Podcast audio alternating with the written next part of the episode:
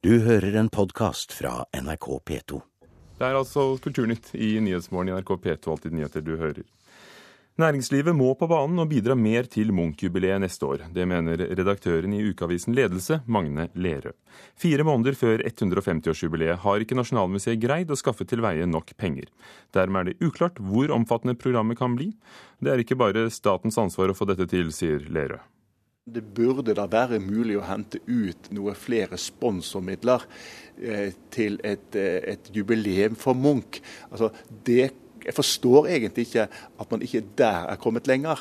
For, for, for, Munch han har en appell også inn i den kommersielle virksomheten. Og nå er det ikke så ille i næringslivet at ikke man er mulig å hente ut noen, noen ekstra millioner, slik at vi kan komme enda lenger i å, å få markere Munch neste år. Sier redaktøren i ukeavisen Ledelse, Magne Lerøe.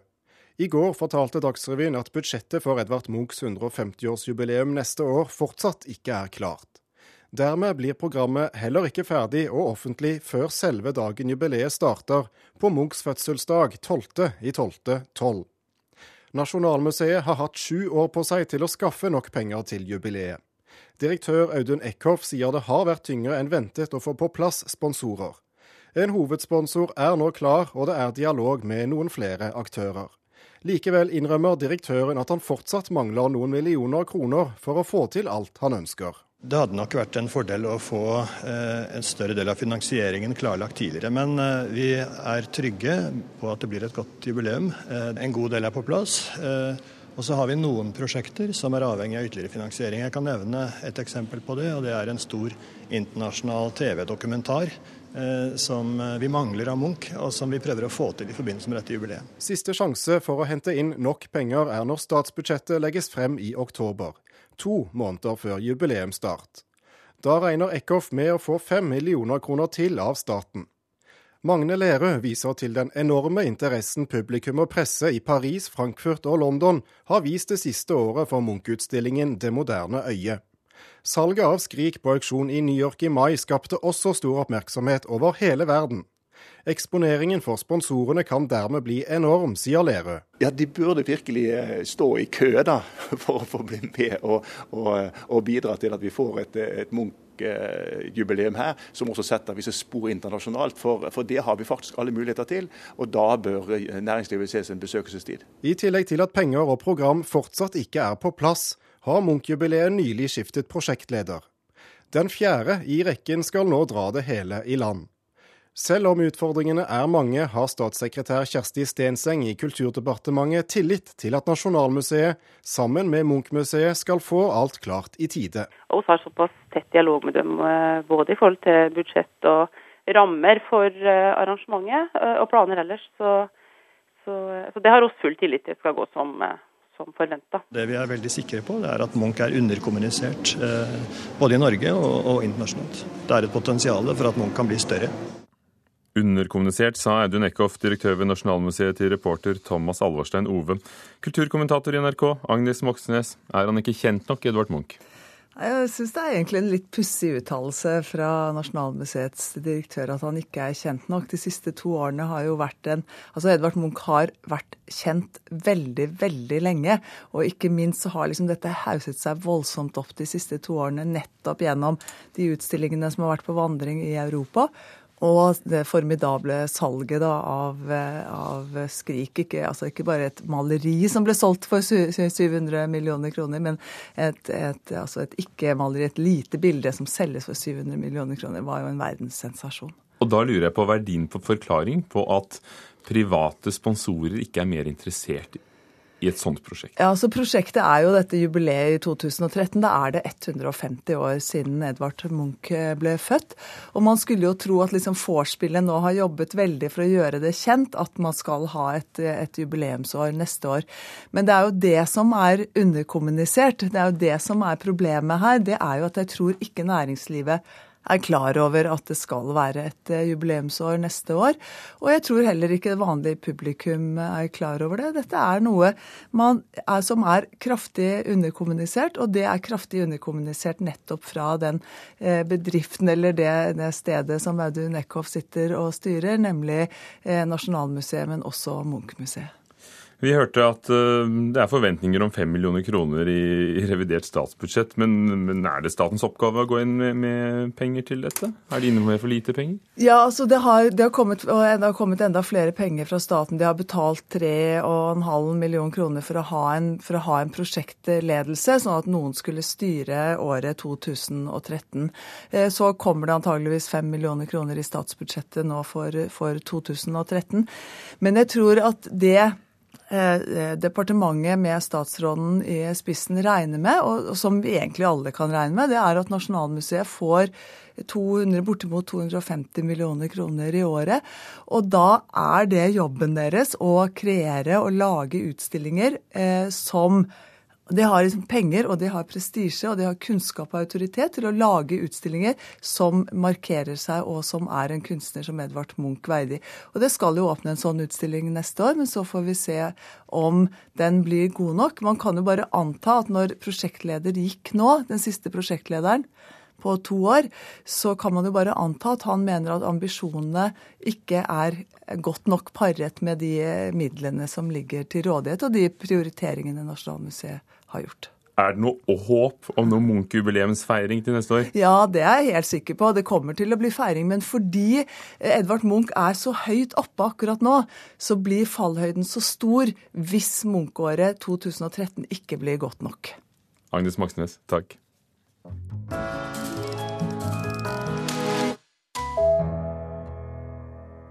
Håkon Blekens store stein- og glassmosaikkutsmykking på alterveggen i St. Olavs kirke i Trondheim skal rives. Det skal bygges en ny katolsk kirke, og det er ikke mulig å ta vare på et av kunstnernes hovedverk, skriver Adresseavisen. Kirken ble bygd i 1973, og Bleken regner utsmykkingen som et av sine egne hovedverk, og han sier at det er vanskelig å forstå at ikke noe kan gjøres for å ta vare på det. Og så til popstjernen Madonna som overbeviste få av dem vi snakket med etter konserten i Bærum i går. Kritikere har ment at eh, hun er for gammel, hun fylte 54 i dag, til å svinge seg på scenen med lærpisker i bordellomgivelser. Og anmelderne er langt på vei enige. Litt skuffa. Skuffa? Ja. Gjorde for lite ut av eh, de hitene, hitsene hun har. Ja, Madonna har jo så mange hits, ikke sant? men hun gjorde jo ikke noe ut av dem. Ikke sant? Vi kunne vært med mye mer. Ja. Ja. Også riksavisenes anmeldere er i stor grad enige. VG kaster terningkast tre til det de mener var en selvhøytidelig forestilling med tidvis katastrofal vokal. Dagbladet mener konserten hadde mer staffasje enn innhold, mens Aftenposten gir en firer, og påpeker at nostalgien tross alt var på plass. Madonna har den seneste tiden fått krass kritikk for rett og slett å ha blitt for gammel til å svinge seg rundt på scenen med lærpisk i bordellomgivelser. Men ikke alle er enig i det. Wow! det var kjempebra. Ja, helt sykt. Jeg må ta ut poppene. Ja, det var visuelt fantastisk. Jeg syns at hun holder seg så utrolig godt til å være på den alderen. Reporter var Gjermund Jappé. Kim Klev, anmelder i NRK P3. Du var der og hørte henne sammen med 20 000 andre. Hva er dine umiddelbare inntrykk av Madonna? Um, det er vel hovedsakelig at det det var, det var kanskje ikke den um, Eller langt fra å være den hitparaden folk hadde håpet på. Um, la liksom veldig stor hovedvekt på låter fra den ikke så veldig godt mottatte albumet fra i år, MDNA, um, hvor, hvor liksom spiller låter som er som mange mener er veldig bakstreverske, med tanke på at hun er, fyller 54 år i dag. Låter som, låter som liksom prøver å følge opp uh, følge opp uh, uttrykket til artister som er liksom 30 år yngre enn nå i dag. Ja, for, um, hva har det med alder å si, egentlig, hvis hun bare gjør det bra? Um, problemet er vel at når du har en 54 år gammel dame som synger linjer som um, I'm a girl gone bad og I'm a different kind of girl, det blir, det blir rett og slett litt flaut, da. Hmm. Hva var bra? Um, det, når det var liksom når hun tok tak i de klassikerne sine, som at det faktisk var veldig bra. Um, det handler ikke så mye om, om at hun faktisk spilte de, men det handler jo òg mye om at uh, hun gjorde litt annerledes ting med de låtene. Um, uh, Enkeltlåter ble liksom gjort i jazz, uh, sånn dempa jazztapning, som faktisk var veldig fine. Um, har gjort, gjort, på, gjort på litt klassikere, gjort på litt alternative måter som låt veldig friske, da. I motsetning til de nye låtene sine som ikke låt friske. Hvor du ikke får noe mer på konserten enn du får på platen? Nei. Mindre, vil jeg påstå. Det har vært mye snakk om den turneen. fordi eh, i, i Moskva for eksempel, så hadde hun en protest mot bandet Pussy Riot. Det har vært snakk om en annen ting også, nemlig at uh, Pussy Riot altså, får dom i Moskva for, for, sine protester, så hun markerer seg. Mm. Og så har hun markert seg ved å vise rumpa i Roma. Eh, og, og, brystene et annet sted. Mm. Eh, og så viser hun våpen. Hun bruker altså kopier av våpen i, i, som rekvisitter. Hvilken effekt har det? For det er det mange som har reagert på. Um, det, er jo, det er jo selvfølgelig Det kommer jo egentlig veldig opp til hver enkelt hvordan man reagerer på det. Um, men man kan jo likevel si at det er at det var rett og slett litt ufint da når hun um, rett og slett skyte mot publikum med, med et lekemaskingevær. Uh, og liksom synge 'Bang Bang, I Shut You In The Head'. Uh, I tillegg til at du det, Hvor det er blodsprut um, på en skjerm bak scenen. Um, så det, det vil vel påstå det blir litt opp til hver enkelt hvordan man reagerer på sånne ting. Hvor fiendtlig man er. Men generelt sett så føltes litt Føltes litt fint sagt litt ufint, da. Hvor mye er dette en musikkopplevelse, og hvor mye er det et show? Um, en forestilling? Kanskje, kanskje, en fjerdedel musikk og 75% show, da. Men hva er din konklusjon etter å ha sett henne? Har de rett, de som sier at eh, Madonna er død som artist? Som um, sjef sa i går i debatt i Kulturnytt. Um, um, jeg for så vidt kanskje ikke enig i det, fordi som sagt, de låtene som funker bra, er gamle klassikere som blir gjort på en veldig frisk måte. Så det er definitivt fortsatt noe der. Men uh, mye, mye føles veldig, veldig bakstreversk. Takk skal du ha, Kim Klee, som var på Madonna. Først om en pris som mangler penger. Den verdenskjente operasangeren Placido Domingo ble tildelt 2,5 millioner kroner av Kirsten Flagstad Festival. Men så sa Kulturdepartementet nei til å bevilge prispengene. Operasangeren Placido Domingo sang antageligvis av glede da Kirsten Flagstad Festival fortalte ham om planene sine. De ville gi ham 2,5 millioner kroner som en pris for hans karriere, til minne om den norske operasangerinnen som har gitt navn til festivalen. Problemet var bare at Kulturdepartementet så avviste festivalens søknad om prispenger, og nå har Domingo lagt andre planer. Statssekretær Kjersti Stenseng i Kulturdepartementet begrunner avslaget overfor Dagens Næringsliv med at prissummen er stor, og at en engangspris, slik departementet ser det, ikke er den beste måten å hedre Kirsten Flagstad på. Og det var det reporter Gjermund Jappé som sa. Bjørn Simensen, kunstnerisk leder for Kirsten Flagstad festival. Kan det være andre som kan tenke seg å finansiere prisen? Ja, men Dette bør jo være en offisiell pris. For Kirsten Flagstad er en av våre nasjonale ikoner, og hun hører hjemme på det nivået. Men eh, Poenget her er kanskje at det er litt uortodoks, men dette var altså den eneste måten å få det til på. De måtte kjøre to parallelle løp med den tiden som var til disposisjon. Og Det var kanskje dristig, men det var eh, nødvendig. Og han hører, han hører hjemme i samme selskap som Flagstad, så vi syns at dette var en mulighet for Norge som kulturnasjon også å markere seg internasjonalt. For Flagstad er atskillig større internasjonalt kanskje enn, enn vi er klar over. Hva skulle prisen være? Det skulle være en pris for, eh, for en livslang innsats for opera, og for det gjør også det repertoaret som Kjell Flagstad sto for. Men så, trengte Placido Domingo den prisen, han som er så kjent og berømt, eller er det faktisk dere som trenger Domingo opp på Hamar til festivalen? Nei, Han trenger ikke prisen personlig, naturligvis ikke. For, uh, men nå er det ikke slik at slike priser, ikke Nobel, Nobelprisen heller, gis til, uh, gis til trengende vitenskapsmenn. Det er altså en ærespris som han også fikk, enda større pris, fra Sverige når det gjaldt Birgit Nilsson-prisen for en stund siden. Så, men det jeg ville frem til, var vel om, om du kanskje er skuffet, for det var kanskje dere som gjerne ville hatt Placido Domingo der? Ja, Det hadde vært en mulighet naturligvis også for Norge til å markere seg som kulturnasjon. Dette ville vært en TV-begivenhet som hele Norge ville tatt del i. Så Hvis Norge som kulturnasjon skulle ha spandert dette på kommersielle kanaler, så er det et større beløp det dreier seg om. Men du gjorde opp regning uten hvert? Det er riktig. Var, jeg var for dristig optimistisk, og det var kanskje et luftslott. Men det, Det har jo like før, holdt jeg på å si. Det står jo et i Bjørvika. Vi har tidligere i sendingen snakket om eh, private sponsorer. Det kunne ikke være en tanke å, å prøve det? Eh, jo, det skal man naturligvis ikke helt utelukke, men dette er altså et nasjonalt anliggende som også gir Norge en mulighet for å rette opp all den urett som er gjort mot Kirsten Flagstad, den trakassering som hun ble utsatt for etter krigen osv. Så, videre. så det er en helhet i dette som jeg syns passer bedre i det offisielle sammenhenger. Bjørn Simensen, takk skal du ha, kunstnerisk leder for Kirsten Flagstad festival.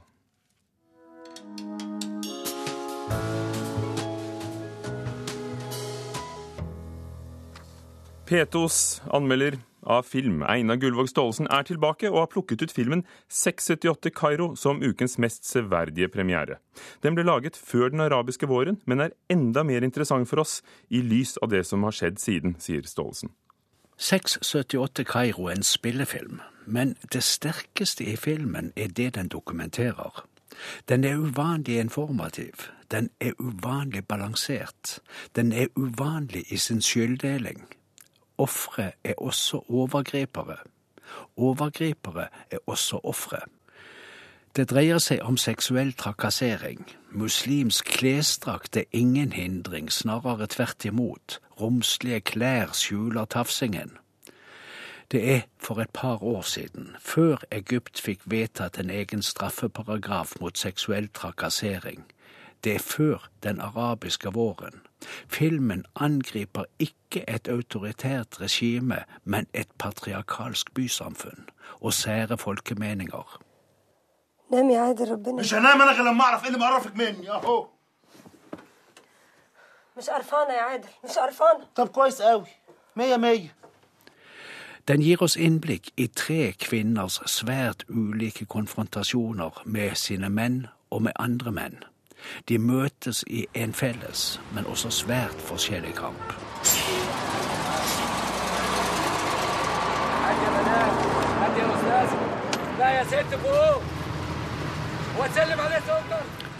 Hun som bruker å ta buss 678 til jobb, blir tafset på i trengselen nesten hver dag.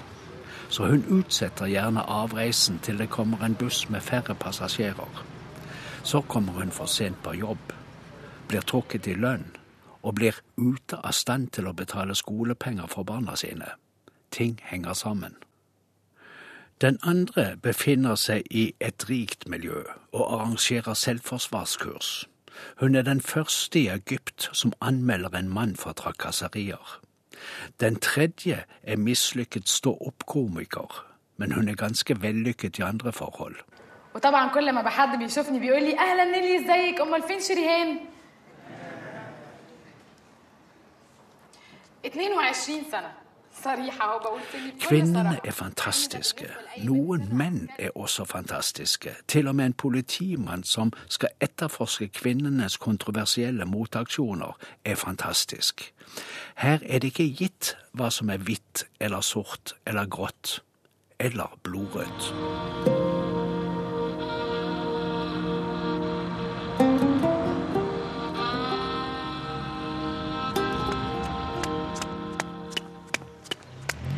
Filmen er formet for å nå følelsene våre, ikke bare forstanden. Etter min smak er den for følende på utsiden. De sterke stemningene i historien er pålagt ekstra filmstemning. Det kan vi velge å se som spesielt arabisk, eller vi kan fortrenge det. For innholdet er uansett så sterkt og virkelig at vi kan leve med svakheter i fortellergrepet. Filmen er for lang dessuten, men vi tåler det også. Og den samler trådene litt for grundig mot slutten og passer på at seeren kommer ut av kinomørket med en viss optimisme i behold. Det er litt klissent, men selv det oppveies av alt vi får litt innsikt i.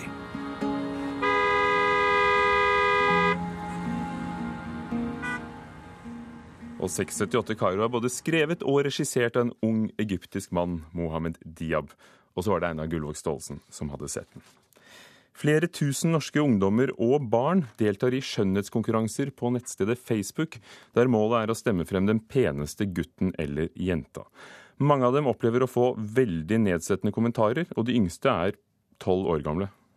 Æsj, så stygg, og du burde slutte å legge ut bilder av deg selv. Du Du blir bare styggere og styggere for hvert bilde. Han er bare 13 år og deltar på en konkurranse på Facebook der den gutten eller jenta med det peneste ansiktet blir kåret til vinner. Det hjelper jo litt hvis man er kjekk da, eller søt. Og så legge ut uh, bilder på Norges kjekkeste og få litt oppmerksomhet, og kanskje det hjelper selvtilliten din. Hvis man får mange likes og ikke noe stygge kommentarer. Men selvfølgelig så får du det. Uansett, alle får det. Stadig flere unge deltar i gruppene på Facebook som har som mål å stemme frem den aller vakreste. De største gruppene har flere tusen tilhengere, og de aller yngste er bare tolv år gamle. For det første så er de jo for unge til å være på Facebook, så de skulle jo aldri vært der. Runi Børresen er en av landets fremste eksperter på spisevegring og kroppsfokusering blant unge. Hun mener missekåringene på nett kan være ødeleggende for selvfølelsen. De risikerer jo først og fremst av alt å få en alvorlig knekk eh, når det gjelder selvtilliten, og som vil påvirke hele, hele deres syn på seg selv. Børresen mener nå foreldre må våkne og ta de unges nettbruk på alvor. Det kan virke som om foreldre har abdisert eh, når det gjelder å holde tritt med unges eh, nettbruk. Ehm, og det tenker jeg er alvorlig. Eh, og jeg mm, er jo absolutt av den oppfatning av at eh, eh, bruk av nettet og sosiale medier, det er en del av ungdoms hverdag. Men det betyr ikke at ikke vi som voksne skal være tett på sa høyskolerektor Runi Børresen, og Facebooks talperson i Norden, Jan Fredriksson, kan ikke kommentere denne saken spesielt, men sier til Kulturnytt at hvis noen føler seg mobbet på Facebook, kan det anmeldes. Han understreker at Facebook skal være et sted hvor det er trygt og trivelig å være. Og reporter her var Jan Erik Viltil. I Kulturnytt i dag har vi hørt at næringslivet må på banen og bidra mer til Munch-jubileet neste år. Det mener redaktøren i ukeavisen Ledelse, Magne Lerud. For fire måneder før dette 150-årsjubileet har ikke Nasjonalmuseet greid å skaffe til veie nok penger. Og Madonna hadde noen høydepunkter, men var ikke helt på høyden under konserten i Bærum i går, sier NRKs anmelder. Og Placido Domingo fikk en pris han ikke får likevel, fordi de fikk ikke penger på Kirsten Flagstad-festivalen. Hanne Lunås, Vidar Sem og Ugo Fermariello laget Kulturnytt. Du har hørt en podkast fra NRK P2.